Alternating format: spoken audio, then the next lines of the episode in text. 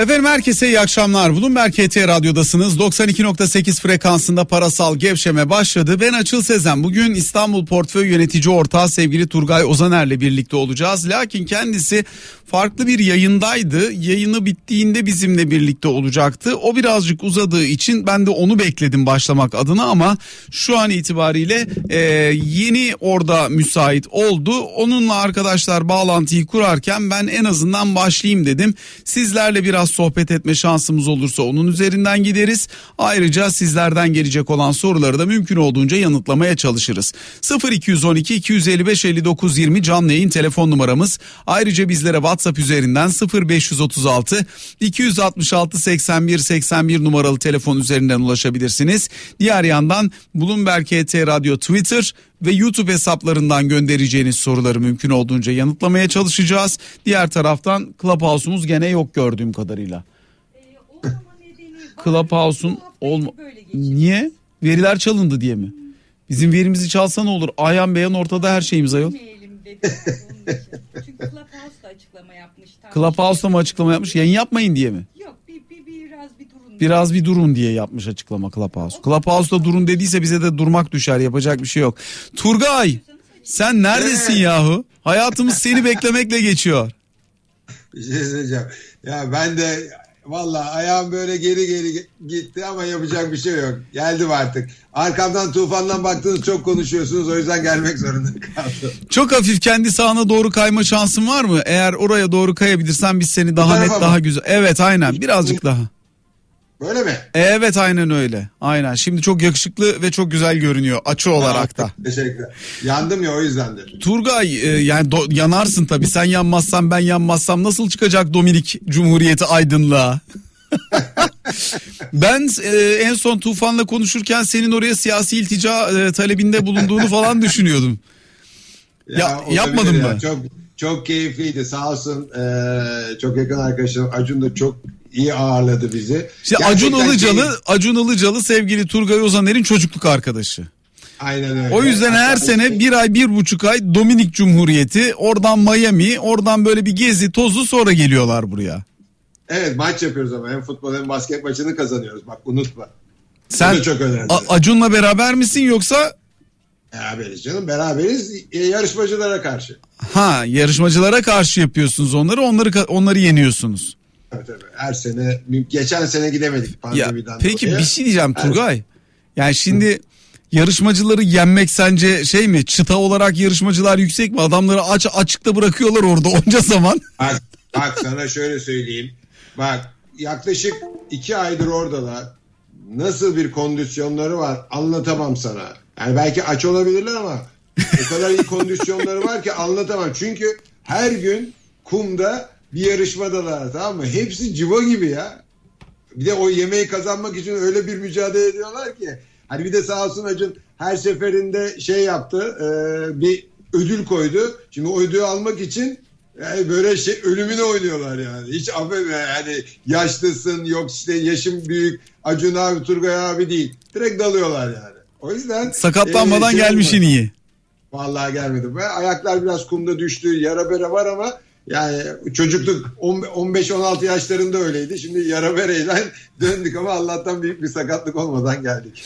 Şimdi Cumhurbaşkanı Erdoğan kabine toplantısı bitti açıklama yapıyor. Arkadaşlarımız dinliyor. Ekonomiyle ilgili kısmı geldiğinde çünkü önünde girizgahı uzun bir siyaset Evet. içeriği oluyor ya kabine toplantılarının ardından.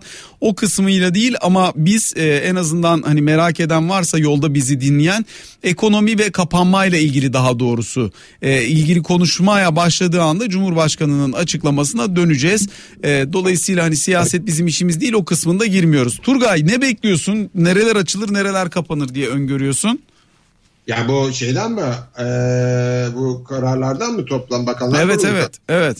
Yani şöyle bence e, kapanabilir ama yani bu geçici bir bir aylık kapanma yani rakamlar çok ciddi ve ben şöyle Kasım'da Ekim'de bunu görmüştüm işte Kasım'da ben de olduğumda çevremde yani geldim çevremde hani her iki insandan birisi Covid yani enteresan bir şekilde ya geçirmişler ya da geçiriyorlar veya geçirmişler haberleri yok. Yani çok acayip bu İngiltere varyantı acayip e, şey e, bulaşıcı.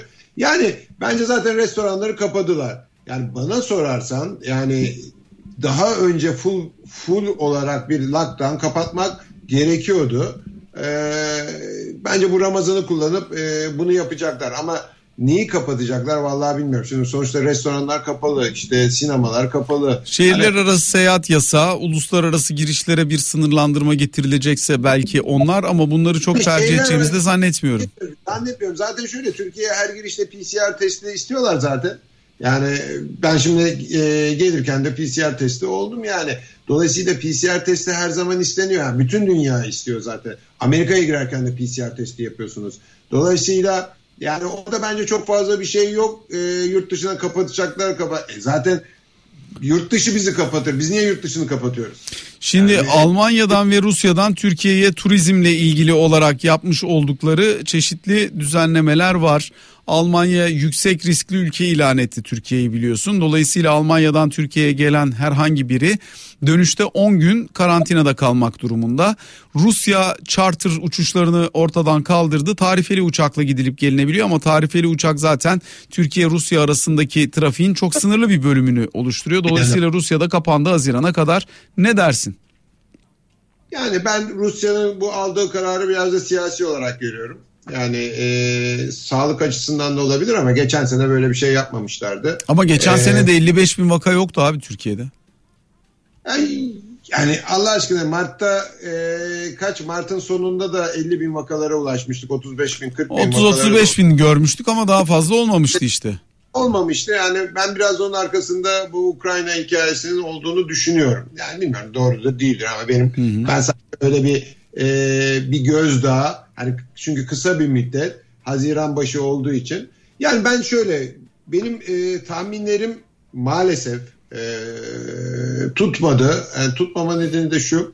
E, maalesef aşılama da çok geç kaldık. A- Avrupa da çok geç kaldı. Sadece biz değil Avrupa'da yani bu konuda Amerika inanılmaz e, gerçekten inanılmaz bir e, atak yapıp herkesi solladı. E, dolayısıyla şimdi bu 1 Haziran'a kadar geçerli olacak Almanya için ve, ve ben şimdi Antalya'daki bir sürü arkadaşım var otel sahipleri. Hepsi aynı şeyi söylüyordu. Yani e, önceden planlı programlı değil. İnsanlar çünkü artık şöyle yapıyorlar. Yani rezervasyon yapıyor açıl. E, tam gitmeden bir hafta önce Covid oluyor. Hadi ondan sonra onu erteleme seneye al parayı geri alamıyor alıyor o oluyor bu oluyor. Dolayısıyla yani onlar da şunu söylediler geçen seneki gibi hem son bir hafta onu bekliyorlar. Dolayısıyla hani Mayıs'ta zaten Ramazan'dı. Bence çok ciddi bir turist geleceğini de düşünmüyorum. Bence Haziran'dan itibaren yine turist gelecek ama yani benim beklediğim geçen senenin iki katı gibi bir e, gelirin olmayacağını düşünüyorum. Yani yine gelecektir. Yani bir de aşı olan yüzde yüz gelecektir. Yani aşı olan o risk yani çok fazla bir risk taşımıyor aşı olan. Özellikle Pfizer'e olan. E, dolayısıyla onlar da gelecektir diye düşünüyorum ama geçen seneki gibi olmayacak yani. Yani daha doğrusu bizim beklediğimiz gibi olmayacak. Geçen seneden biraz daha iyi olabilir o kadar. Turgay kur için ne diyorsun? 8 Ben 12 kuru- 8 13 yani kur 8 8 25 arasında gidip gidip geliyor. Hani ben e, enteresan görüyorum kuru. E, bu Perşembe günü faiz ne inecek ne çıkacağını düşünüyorum. Mayıs'ta indirileceğini düşünüyorum. Ondan sonra kur hareketinin bir 8.50'yi tekrar göreceğini hatta kuvvetine göre 8.50'nin üstüne de çıkabileceğini düşünüyorum. Şimdi tabii burada e, ciddi bir e, çok ilginç ilk defa gördük. Yani e, ciddi bir e, dolar satışı oldu yatırımcıdan e, işte bireysel yatırımcıdan. Bu çok iyi ama tabii bu bireysel yatırımcıyı unutma. O sattığı yerlerden hemen hemen hepsi tekrar alıcı olacak. Yani dolayısıyla doların çok aşağı gelecek yeri yok. Yukarı gitme potansiyeli daha fazla. Burada ne kadarlık bir yukarı potansiyelden bahsediyoruz? Yani o e, yani bu tabii ekonominin ne kadar iyi yönetilip ne kadar iyi yönetilmesiyle alakalı, aşıyla alakalı, işte dünyanın açılmasıyla alakalı. Yani şimdi arada bir Ukrayna'da çok e, acayip şeyler olabilir. Onunla alakalı. S-400'le alakalı. Amerika ile ilişkilerimiz var. Yani Türkiye'de bazı şeyleri öngörebilmen için tek bir e, şey alternatif olmuyor biliyor musun? Yani bir sürü bir sürü seçenek, bir sürü şeyler var, olaylar var. Bunların hepsini bir şekilde özümleyeceksin. Onlar birbirine çelişiyor olacak. Yani bunları böyle yapıp sonra bir karar vereceksin. Dolayısıyla işte biz bu sene e, Merkez Bankası işte Kasım'da değiştikten sonra hatta senden de program yaptığımızda 2021 için çok acayip yani TL varlıklarının ciddi prim yapacağını düşünüyorduk. Hem dolar e, TL'nin hem işte e, hisse senedi piyasasının bonoların, euro bondların. Ama şimdi Mart'taki bu olay bütün planı programı değiştirdi. Yani ben önümüzdeki dönem yine böyle e, hoş olmayan sürprizlerle yani olacağı olma potansiyeli olduğu için bu Türkiye'de dolayısıyla yani çok fazla da bir e, hedef artık koyamıyorum yani hiçbir şey için hedef koyamıyorum yani. Dolayısıyla günü yaşayıp ona göre pozisyon almak, hızlı karar vermek, stratejik karar vermek çok daha önemli bence. Peki aşağıda sınır neresi sence? Yani yatırımcı bir daha önce yaklaşık 8 lira civarına bir sınır çizdi. Yabancı hiç yoktu piyasada sadece Türk e, vardı. Ee, orada 8 liraya bir sınır çizmişti. Şimdi bunun aşağısının olma ihtimali var mı sence? Olmaz. Bence olmaz. Yani çok çok çok major yani ben kolay kolay olacağını düşünmüyorum 8. Yani bir de tabii şunu unutmamak lazım. Şimdi e, bir şekilde yaklaşık 16 milyar swaplarla birlikte 16 milyar 17 milyar dolar bir yabancıdan para girmişti. Şimdi o ne yaptı? 7-20'ye kadar hatta hani biz de o zaman da programlarda konuştuk yani bütün hatta biz kendi fonlarımızda e, dolar bazlı fonlarımızda bile açık pozisyon tutmuştuk. Herkese de aynı şeyi söylüyorduk ve ciddi de bence bizim çevremiz olsun işte insanlar olsun bir dolar satmışlardı. Ama şimdi bir kere yani bu o bir seferlik dolardan başka ben bir satış olacağını düşünmüyorum. Dolayısıyla onların alıcı olacağını düşünüyorum. E, ülkede bu sene turizm gelirinin beklediğimizden daha az olacağını düşünüyorum. E, bunun e, emtia fiyatlarının yukarı gidip ciddi bir enflasyonist baskı olacağını düşünüyorum. Yani girdilerin yüksek olacağını düşünüyorum. Dolayısıyla bir şekilde yine e, şirketler hala e, dolar ihtiyacı var. O işte yap işlet devletler, hazine garantili e, şeyler, e, projeler. E, dolayısıyla devamlı bir hala yani bundan 8 ay öncesinden çok farklı değiliz. Yani Merkez Banka e, ekonomi yönetimi işte Kasım'da değişme e, öncesinden bir farklı değiliz yani. Ne iyiyiz ne kötüyüz yine aynı yerdeyiz. Tek kötülüğümüz şu o zaman faiz yüzde ondu bugün yüzde on dokuz. Buradan döviz alır mısın? Alırım valla düşersen düşerken alır, düşerse alırım. Ne kadar Onu düşerse alırsın mesela 8-10 alır mısın? 8-8-10 arasında ben e, alıcı olurum. E, dediğim gibi yani benim beklentim Mayıs'ta çünkü faiz indirilecek. Mayıs'ta faiz inerse kurun gidebileceği yeri yani 8.50'ler olabilir tekrar. 8-8.50 o da fena getiri sayılmaz normalde %6 %7 diyorsun bir avazda. Aynen, aynen öyle yani öyle bir e, stratejim var ama yani her zaman dediğim gibi strateji e, bir şekilde tutmuyor. 8 8.50 peki 8.50'ye gelirse mesela orada satar mısın elindeki dövizini? Talebe göre. Yani şimdi burada her şey biraz talep, arz ve taleple alakalı. Yani ben arzın eğer orada hala bireysel satmaya devam ediyorsa e, o zaman ben de satıp bir şekilde geri geldiğinde almaya çalışırım diye düşünüyorum. Ama eğer o bireysel talep çünkü şöyle olma ihtimali senaryonun biraz daha yüksek açıl. 8.50'ye gittiğinde bu sefer o 8'den satan e, bireysel yatırıcı, yatırımcı ne oluyor deyip panikten gidip 8.50'den oraya geçtikten sonra tekrar alıcı olabilir de o zaman da momentum yukarı doğru götürebilir yani. Yani dediğim gibi o, o, o günün e, şartlarına bakmak lazım. 0212 255 59 20 numaralı telefondayız. Şimdi dinleyicilerimizden gelen mesajlar var. WhatsApp üzerinden bir parça onları okumaya çalışalım. Yerli açın aşı için erken kullanım gelirse bu dediklerinizin hiçbiri olmaz demiş Oktay Bey. Yerli aşı konusunda tabii iyimser olmakta fayda var. Fakat bu ne zamana yetişir ben onu bilmiyorum. Çünkü daha insan deneyine başlamamıştı ee, şeyde yerli aşıda. Yani benim, onun bir, benim, bir... Oku, benim okuduğum Eylül Ekim yıl sonuna yetişir gibi görünüyor. Ben de Sanayi Bakanı Mustafa Varank'la bir röportaj yapmıştım televizyon için. Ee, Mustafa Bey'in de söylediği öyleydi. Yani yıl sonuna yetişmesini ümit ediyoruz demişti. Hani bugünden yarına yerli aşı gelecekmişçesine bir yaklaşım sergilemek çok e, doğru olmayabilir. İnşallah erken gelsin. Ne kadar erken gelse o kadar iyi. E, ama şu an pek öyle değil. Bir de aşı işi e, pek kolay bir iş değil. Yani yapılamaz anlamında söylemiyorum. Yanlış anlaşılmasın. Yapıp deneyip ondan sonra da görmek lazım ya. Şimdi mesela Johnson Johnson aşısı. Herkes çok değer verdi. Neden? Johnson Johnson aşısı tek doz. Şu ana kadar tek doz uygulanan tek aşı Johnson Johnson.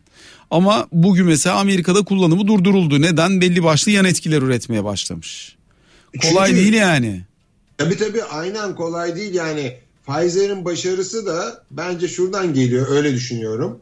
Ee, bir iki ülke nüfusunun ciddi bir kısmını e, hatta e, İsrail ve Birleşik Arap Emirlikleri galiba onlar hani demişler fazları burada yapın faz 1 faz 2 faz 3'ü ondan sonra da ama bize ciddi miktarda verin demişler. E, şu anda %70'e yakın e, İsrail'in nüfusu Pfizer'le aşılanmış ve ölüm oranı neredeyse sıfır. Hastaneye gitme oranı yüzde birlere düşmüş.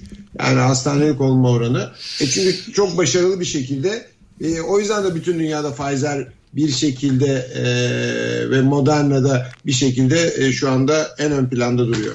Evet bu iki aşıda e, herhangi bir ekstra yan etki sorunu e, görünmedi en azından e, bunun üzerinden gelen bir ekstra iletişim görmedik. Ya ileride ne olur bilmiyoruz inşallah hiç çıkmaz yani çünkü hakikaten dünyada en fazla uygulanan aşılardan bir tanesi bu. İsrail'deki çalışmaları da hakikaten e, önemli sonuçlar üretmiş gibi görünüyor en azından şimdilik öyle duruyor. Teknoloji açıl bunlar bilmiyoruz yani 5 sene sonra ne olacağını. Bir de öyle bir çünkü biliyorsun normalde bu genel kabul görülen 6 sene bir aşı yapılıyor, uğraşılıyor işte fazlar, insan deneyleri şunlar bunlar. 6 sene sonra kullanıma yani normal ortalama geçmişte böylemiş. 6 sene sonra kullanılıyormuş. Şimdi bir yıl geçmeden sonuçta herkes yani ben de bu arada Amerika'da Pfizer oldum. Ee, ilk dozunu oldum. Şimdi tekrar gideceğim ikinci dozunu olacağım.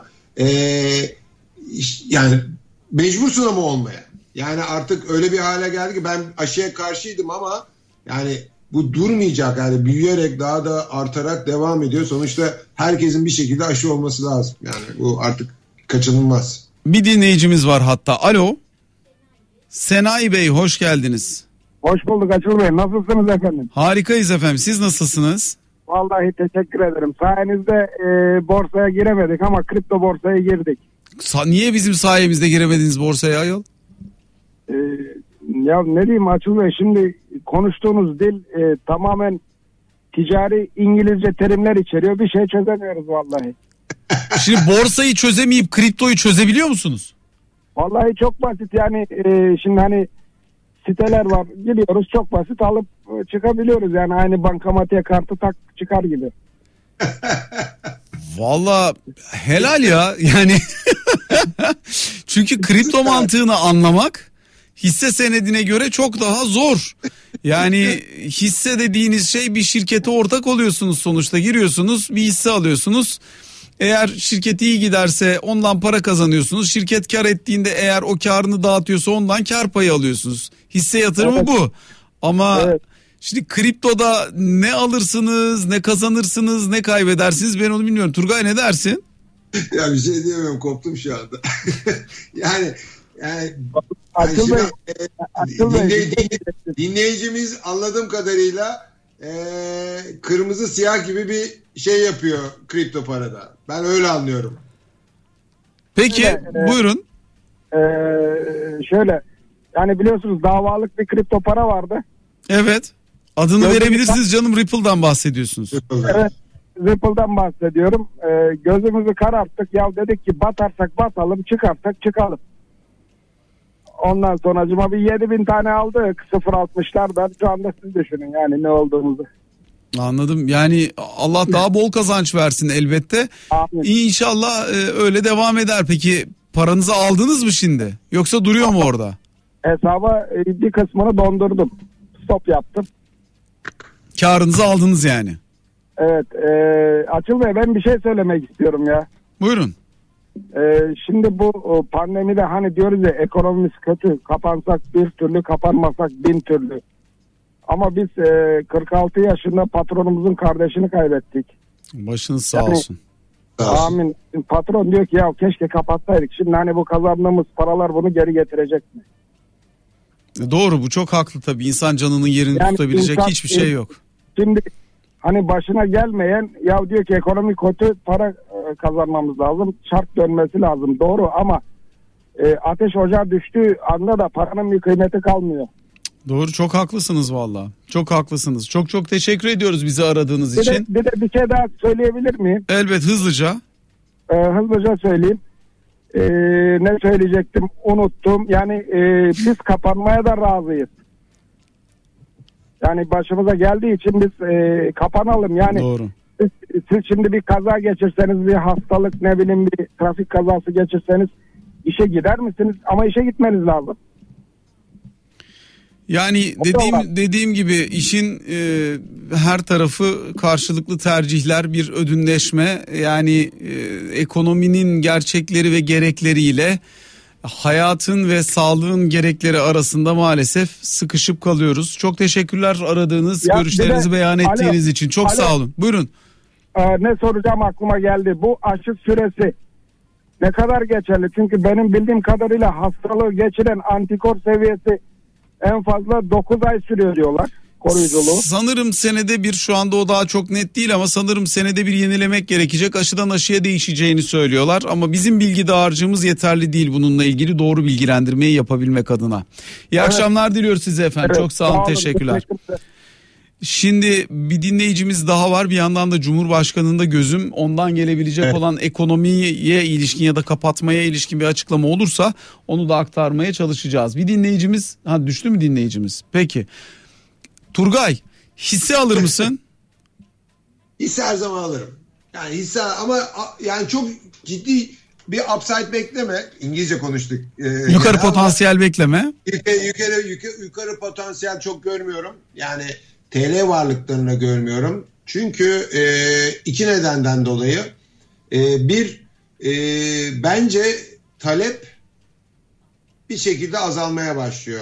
Yani halka arzlar üstüne yabancının ciddi satışı e, bence talebi e, biraz kıstı.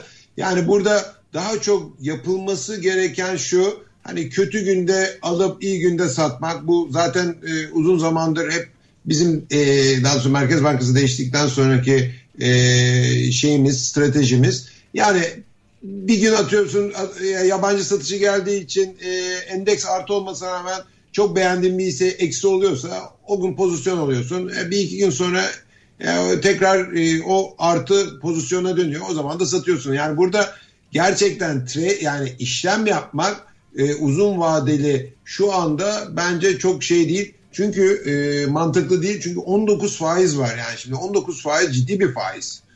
Dolayısıyla yani e, dolar TL'deki risk de e, ortada. Şimdi faiz inerse orada da bir yukarı potansiyel var. Dolayısıyla şu anda ya bir hisseyi satıp bir hisseyi alıyoruz ya da dediğim gibi yani çok düştüğü gün hisseyi alıp e, iyi bir günde de satıyoruz yani. Şu anda stratejimiz tamamen o.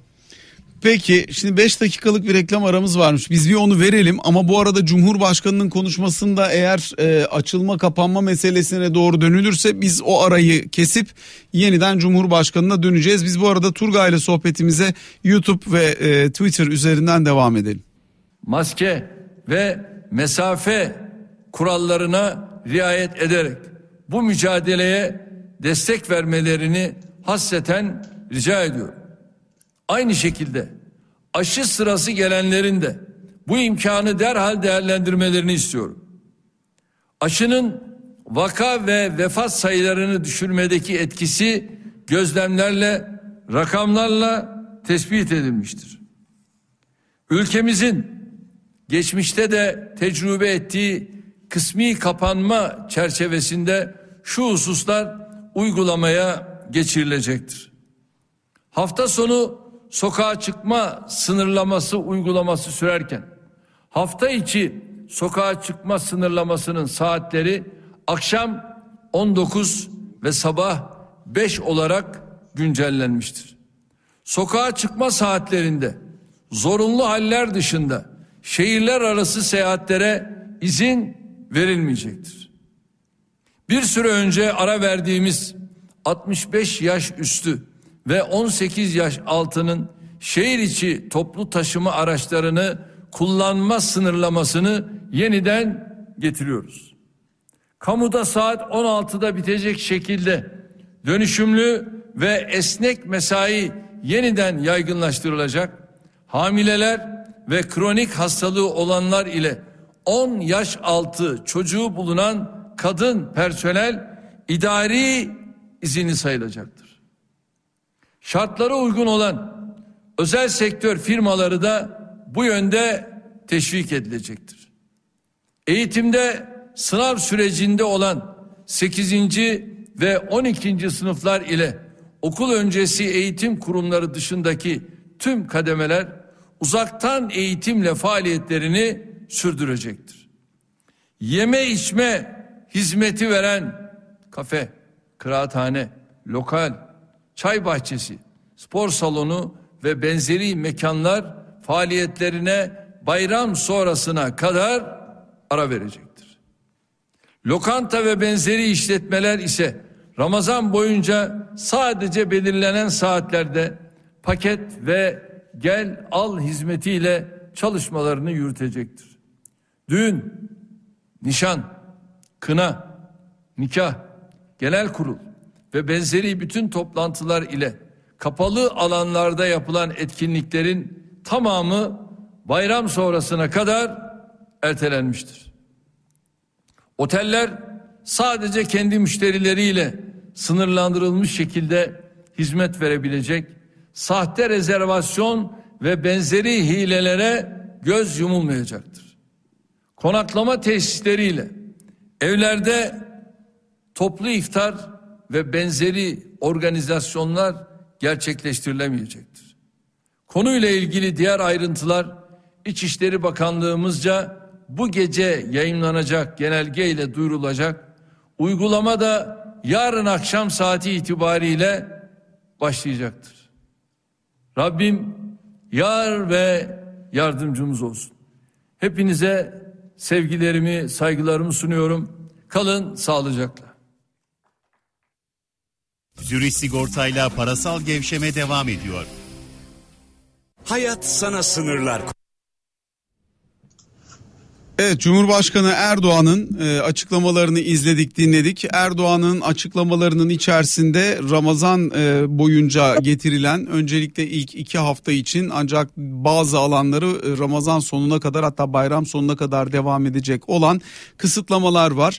Saat 19'a çekiliyor hafta içi sokağa çıkma sınırlaması saati 21'den 19'a çekiliyor. Bir. İkincisi şehirler arası seyahat zorunlu haller haricinde yasaklanıyor, sınırlandırılıyor. 65 yaş üstü için gevşetilmiş olan toplu taşıma araçları kullanılma sınırı bu gün itibariyle yarın itibariyle daha doğrusu yeniden geliyor. Kamu çalışanları için dönüşümlü esnek mesai yeniden yaygınlaşıyor. Kamu hizmetlerinde süre saat 16'da tamamlanacak. 10 yaş altı çocuğu olan kadınlar için kamuda görevli olan kadınlar için idari izin imkanı getiriliyor. Özel sektörde de bunların teşviki sağlanacak dedi Cumhurbaşkanı. Sınav sınıfları olan 8 ve 12. sınıflar ve okul öncesi eğitim haricinde uzaktan eğitim yeniden söz konusu olacak. Okula gidişler bu noktadan itibaren sınırlandırılmış olacak. Yeme içme kafe restoran spor salonları bayram sonuna kadar faaliyetlerine ara vermek durumunda kalacak. Restoran ve kafeler sadece paket servis ve gel al hizmetlerini gerçekleştirebilecekler. Düğünler ve kınalar, nişanlar yine aynı şekilde e, ertelenmiş olacak bayram sonrasına kadar. Otellerse sadece kendi müşterilerine hizmet verebilecek hileli rezervasyon vesaire ile yapılabilecek olan bu daha önce görülmüş çevreden dolaşmalara da müsaade edilmeyecek dedi Cumhurbaşkanı yaptığı açıklamanın içerisinde. Aramız vardı o aranın kalan kısmını verelim mi devam mı edelim biz Turgay'la? Devam edelim. Turgay ne dersin bu sınırlamalar bu kısıtlamalar için? Yani e, zaten 3 aşağı 5 yukarı beklenendi ama ben yani, biraz daha hafif buldum yani çok öyle e, çok çok da sert değil. Yani ben hani o geçen sene Nisan ayında yaşadığımız gibi bir şey olabilir mi diye düşünüyordum. Yani full sokağa çıkma yasağı, kimse sokağa çıkmayacak falan falan. E, dolayısıyla bu, bu, bu bence e, ağırın biraz hafif olmuş. Ama yani biraz da mecbur, mecburuz zaten yani bunda herkesin kabul et- etmesi lazım. E, mecburen bunların yapılması lazım. Şimdi bunların bir kısmı iki hafta süreyle bir kısmı Ramazan boyunca söz konusu olacak. Restoranla ve lokantaların zaten gel al hizmeti Ramazan boyunca devam edecekti. Bu daha önce açıklanmıştı.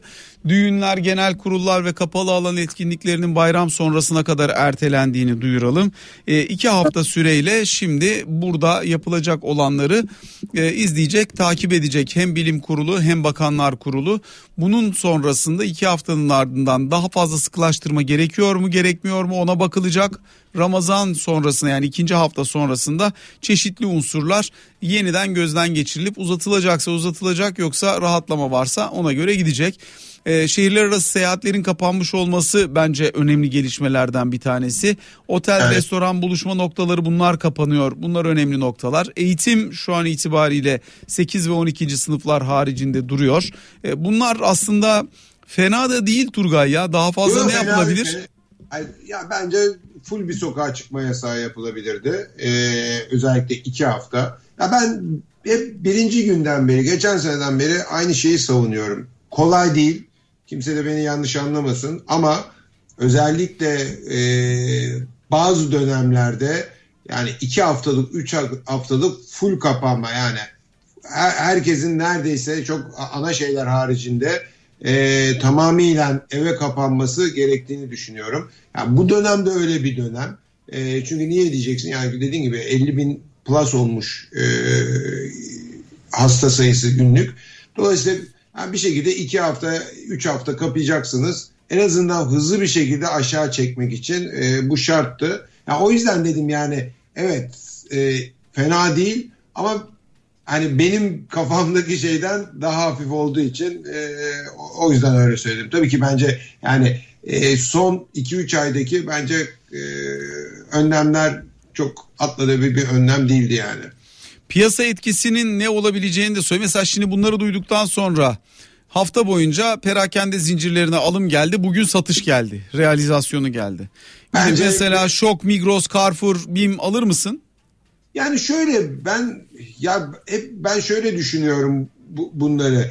Ben zaten şoku beğeniyorum. Migros'u beğeniyorum. Yani BİM bana çok pahalı geliyor. Yani bu arada çok iyi şirket. İşte bizim fena değil. Yani ben bu bunda şok ve e, Migros'u her zaman tercih ederim. Ben bilançolarıyla yani 12 ayda hatta önümüzdeki dönemde bunların büyüme potansiyeli var.